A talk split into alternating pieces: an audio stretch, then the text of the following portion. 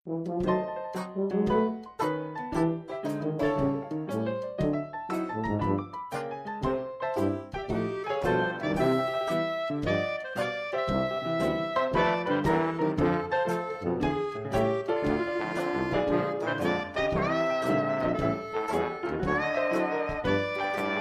semuanya, selamat datang di podcast and Talk episode 2 dengan judul Bisnis versus Art Studio. Kenalin aku Ananda Dava dari Angkatan 21. Dan aku Alvina dari Angkatan 21. Eh, Kalian udah pada dengerin podcast kita yang episode 1 kemarin kan? Pasti udah dong. Gimana nih? Pasti seru dan juga banyak pelajaran dan insight bisa kita ambil. Nah, di episode 1 kita sudah ngobrol sama Mas Eka sebagai alumni arsitektur. Kali ini kita kedatangan tamu yang nggak kalah keren dari mahasiswa arsitektur juga. Sesuai dengan judul podcast episode kali ini, kita bakal ngobrolin tentang bisnis bareng Mbak Iva dan Mbak Ica. Halo Mbak Iva dan Mbak Ica. Halo. Kabarnya gimana Mbak? Baik. Alhamdulillah baik. Bisnis lancar ya Mbak ya? Sama tugas juga aman ya? Amin. Mutu.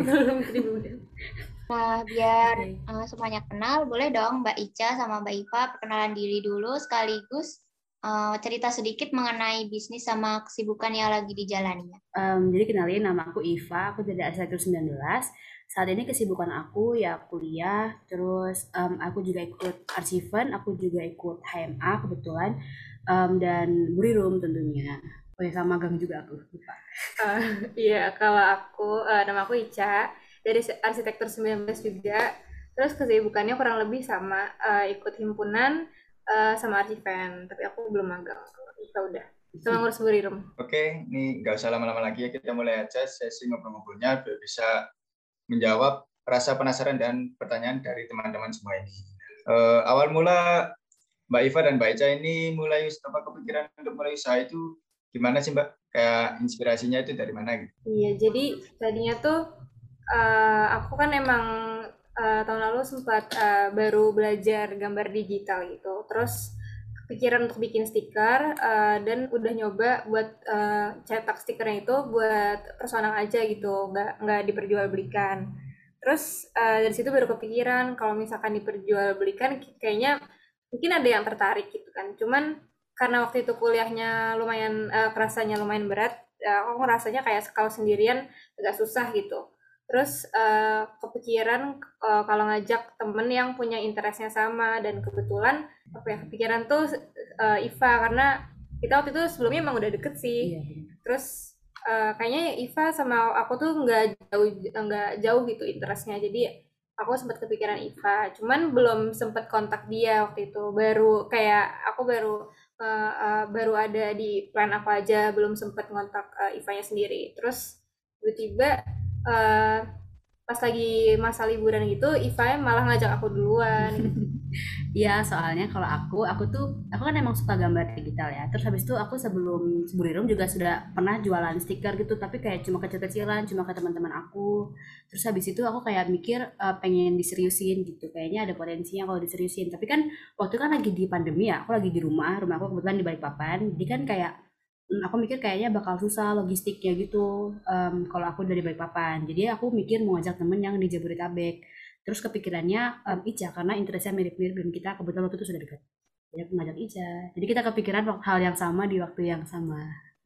Tanpa sengaja. Waktunya pas berarti mbak ya. Tapi uh, nggak uh, terkendala dengan cara tempat tinggal yang jauh gitu mbak. Kan yang satu di Balikpapan yang satu di Bekasi. Uh, mungkin terkendalanya cuma time apa waktu time zone aja sih. Kayak hmm. aku kan WIB ya dia Wita. Jadi kadang suka kemalaman uh, gitu iya, ya aku. misal misalnya rapat jam 8 nih kayak uh, oke okay, jam 8 ya tapi kan di IPA udah jam 9 gitu. Gitu aja sih. Tapi kalau jarang nggak masalah kan ada zoom. Iya. Instingnya juga sama juga ya mbak ya untungnya ya. Yang mbak Iva uh, udah jualan stiker juga dan bacanya apa suka desain gambar sama stiker gitu juga berarti ya. Iya, iya banyak uh, banyak kesamaan kesamaan gitu. Nah, interestnya seleranya gitu banyak mirip-mirip. Uh, yang diperhatikan untuk mulai usaha itu apa saja sih, Mbak?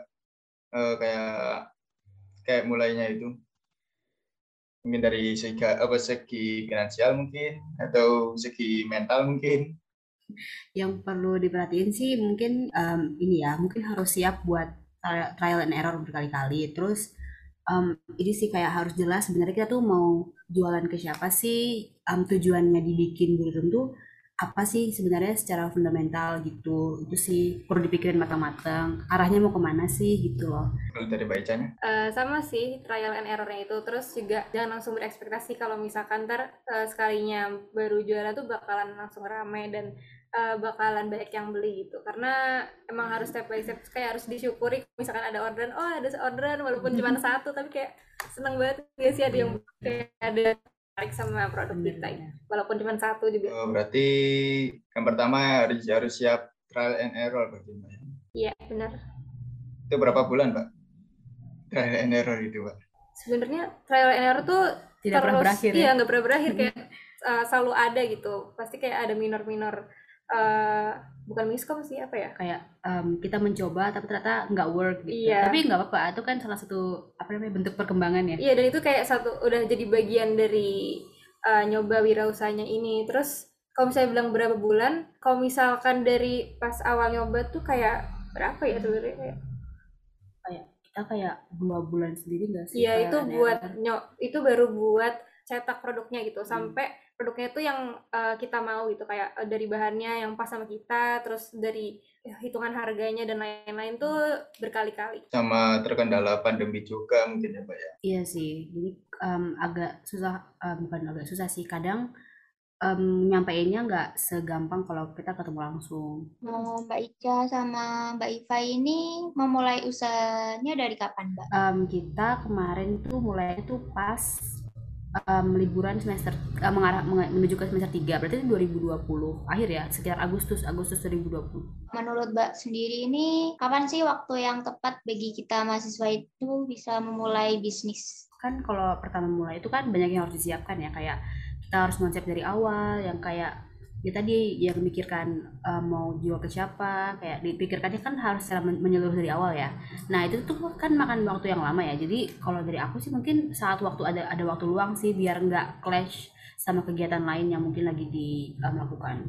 Uh, hmm, tapi nggak menutup kemungkinan kalau misalkan mulai ya kalau emang merasa kayak udah bener-bener niat terus mau mulai sekarang juga sih nggak apa-apa uh, sambil dicicil aja gitu ide konsep dan lain-lainnya. Se, se, lagi sambil jalan sambil dipikirin gitu. nah ini mbak. Kan ini uh, bisnis Bulirum ini kan udah setahun lebih ya ini ya mulainya ya kan? Kan dari Agustus 2020 tadi ya. Dan juga kan setahun itu kan apa Mbak Iva dan Mbak Ica kan juga menjalani kuliah dan juga menjalani organisasi juga kan kayak arsiven, kayak hima, kegiatan-kegiatan yang ada di arsitektur. Gimana sih Mbak untuk kita bisa ngatur waktunya untuk bisa ngejalanin semua itu? Uh, Sebenarnya kalau aku sendiri itu sih kayak disempet-sempetin aja kayak waktu di selang uh, antara kan kalau misalkan lagi kuliah gitu. Kalau aku sendiri kan yang bagian packingnya ya karena aku domisil domisilinya di Bekasi. Jadi aku biasanya break antar kelas tuh aku sempetin waktu buat packing orderan. Terus dan sebelumnya tuh udah disiapin gitu. Jadi pas packingnya tuh kita nggak usah nge apa yang potong-potong lagi. Kayak bener-bener tinggal bener-bener di pack aja gitu dilipet aja barangnya. Terus sama kalau ngatur waktu itu sih. Jadi uh, jangan berpikiran kalau misalkan si bisnisnya ini tuh dijadiin sebagai beban. Soalnya kalau misalkan kayak gitu malah jadi stres dan bikin ngatur waktunya lebih susah. Kalau menurut aku jadi uh, apa ya stress relievernya aja gitu. Jadi kayak pasti ada waktu buat uh, disempetin buat ngelakuinnya. Kalau dari aku sih budidaya tuh karena bagian dari hobi ya jadi kayak diada-adain gitu loh waktunya disempet-sempetin. Malah pernah waktu itu aku lagi kayak nugas gitu bo bosen kan sama nugas aku malah ngedesain buat buri room. Di, di ada adain aja waktunya. Padahal mas sebenarnya nggak ada. Iya sebenarnya nggak ada. Ya intinya nyepet nyepetin waktu buat mencoba melakukan bisnis ini ya mbak Iya. Jadi nggak harus kayak satu hari full buat ngerjain buat stiker atau packing dan lain-lain. Kebetulan agak fleks, lumayan fleksibel sih iya, kita ya. biasanya fleksibel gitu. Kadang kita juga kayak sambil ngomongin body room sambil ngomongin tugas, uh, tugas gitu. Iya, kebetulan juga sama ya Mbak ya. Mbak Iva dan Mbak Ica juga arsitektur juga. Jadi kan kalau tanya-tanya tugas juga masih bisa ya, gitu.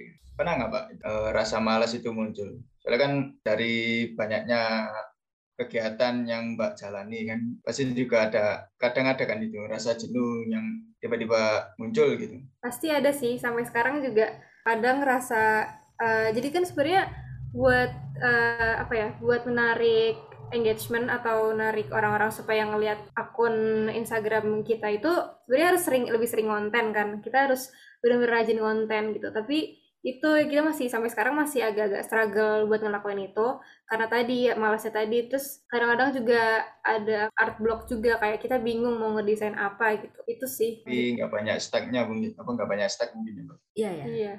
Oh iya Mbak, uh, tiap bisnis kan pasti ada strategi pemasaran yang dilakukan kan.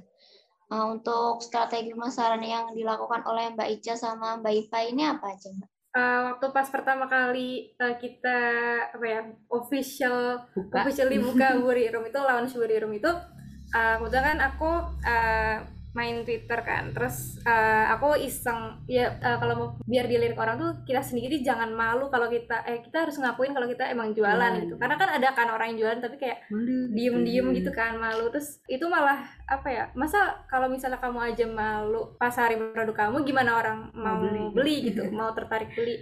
Jadi waktu itu aku sempat nge-tweet gitu kan uh, uh, di Twitter kayak aku baru aja uh, launch stiker shop sama temen aku gitu terus nggak tahu kenapa jadi rame gitu kan lumayan rame. Terus ada satu akun di Twitter itu yang dia tuh akun yang apa ya mengkurasi small business gitu. Dan kebetulan sama mereka di repost, uh, di repost gitu postan aku itu. Jadi kayak makin banyak yang lihat. Terus sosial media sih soalnya di pandemi ini kan ya apalagi yang nggak di yang nggak dibuka sama orang selain sosmed.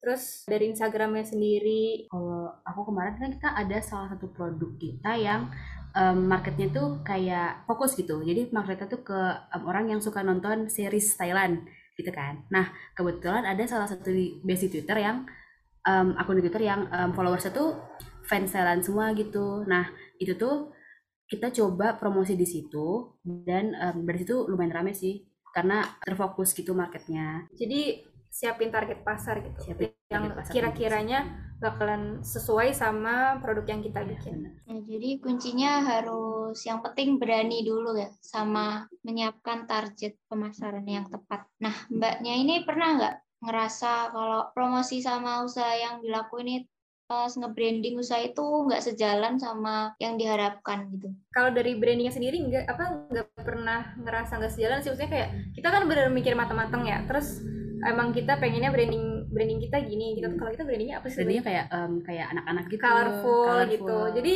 nggak jarang audiens eh audiens apa ya uh, yang beli tuh juga anak-anak gitu kan. Iya, anak-anak SMP karena bahkan gitu. um, ini intermezzo kita bahkan punya maskot itu maskot kita tuh kayak anak kecil sama kucing karena emang um, konsepnya Burung itu kayak gitu. Iya. dan menurut aku sesuai sih udah. Yang kayak lebih playful hmm. gitu.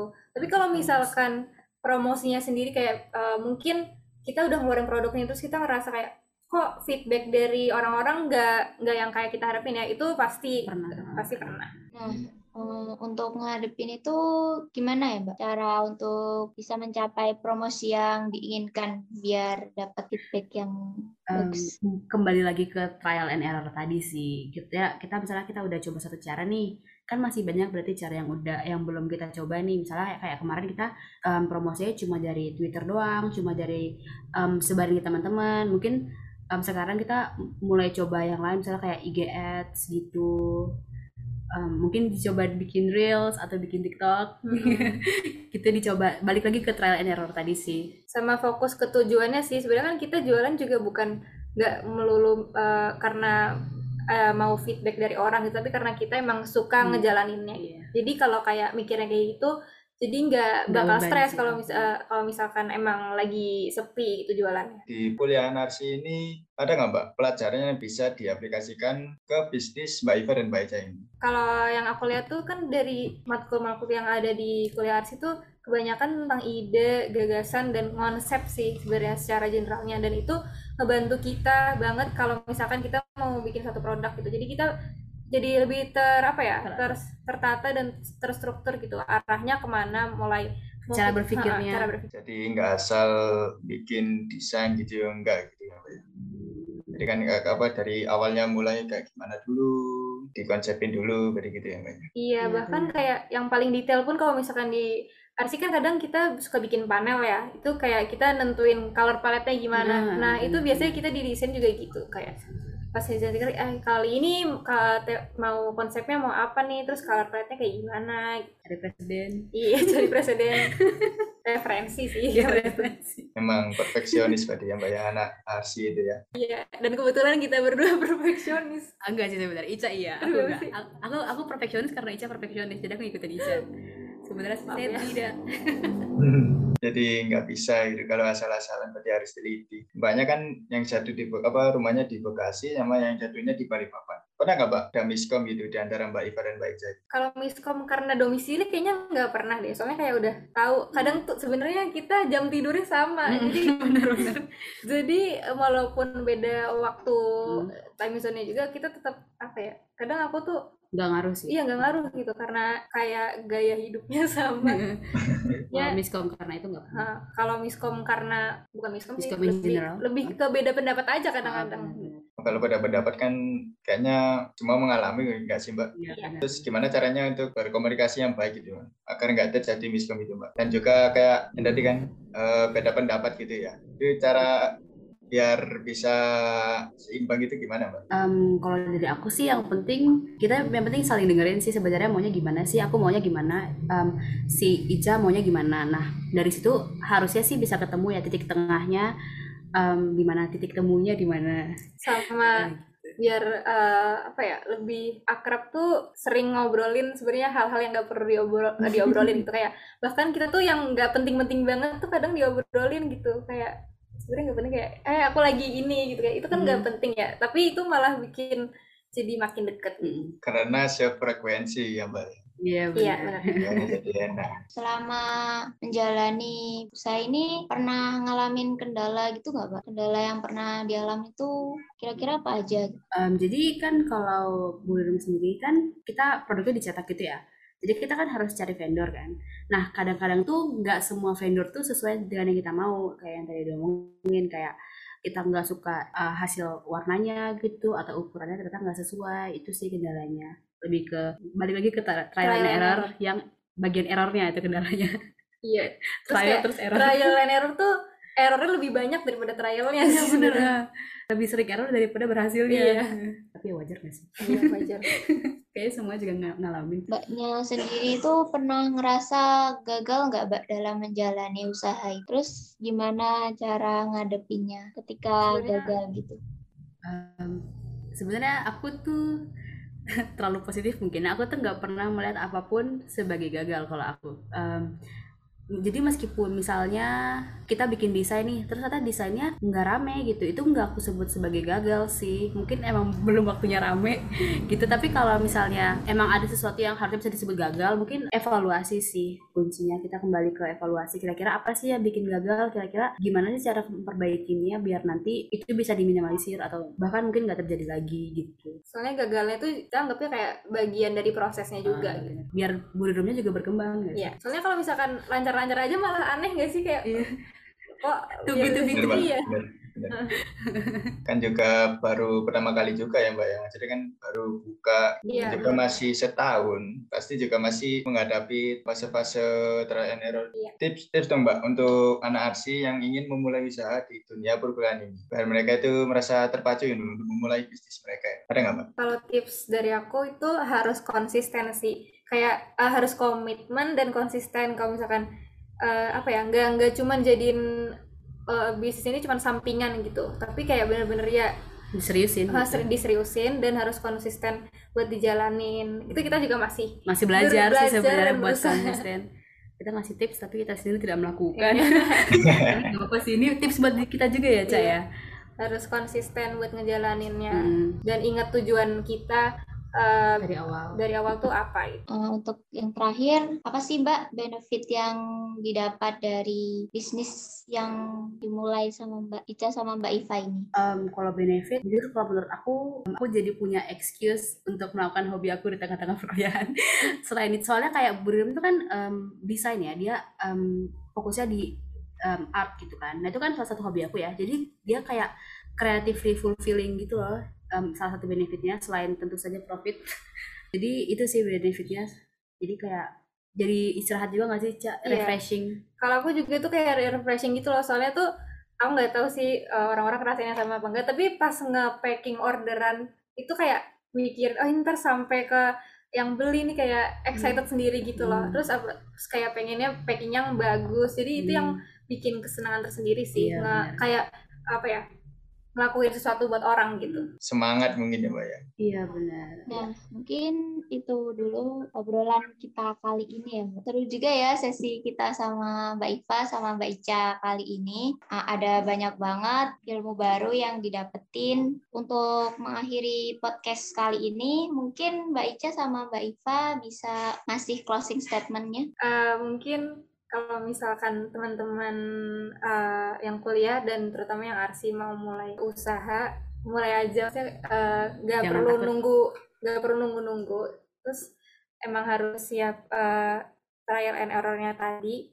Terus jangan dibawa beban juga justru dibawa uh, enjoy aja sama ngelakuinnya dan belajar bertanggung jawab juga sama kegiatannya ini gitu Terus yang paling penting kalau kalian suka hal yang lucu-lucu, stiker, keychain yang lucu-lucu banget ya pokoknya um, jangan lupa follow Instagramnya @burirum b u r i r o m. Kalau mau ngasih ide kritik dan saran juga. Bisa dicek di IG ya Mbak ya, @burirum gitu. Iya. Iya benar. Oke, makasih makasih banyak buat Mbak Iva dan Mbak Ica yang udah nyempetin waktunya untuk sharing ilmu dan pengalamannya sama kita semua. Ini semoga ilmu dan pengalaman yang diberikan sama Mbak Iva dan Mbak Ica ini menginspirasi buat teman-teman, khususnya buat yang lagi kuliah di arsitektur dengan si gudang tugasnya untuk memulai berwirausaha.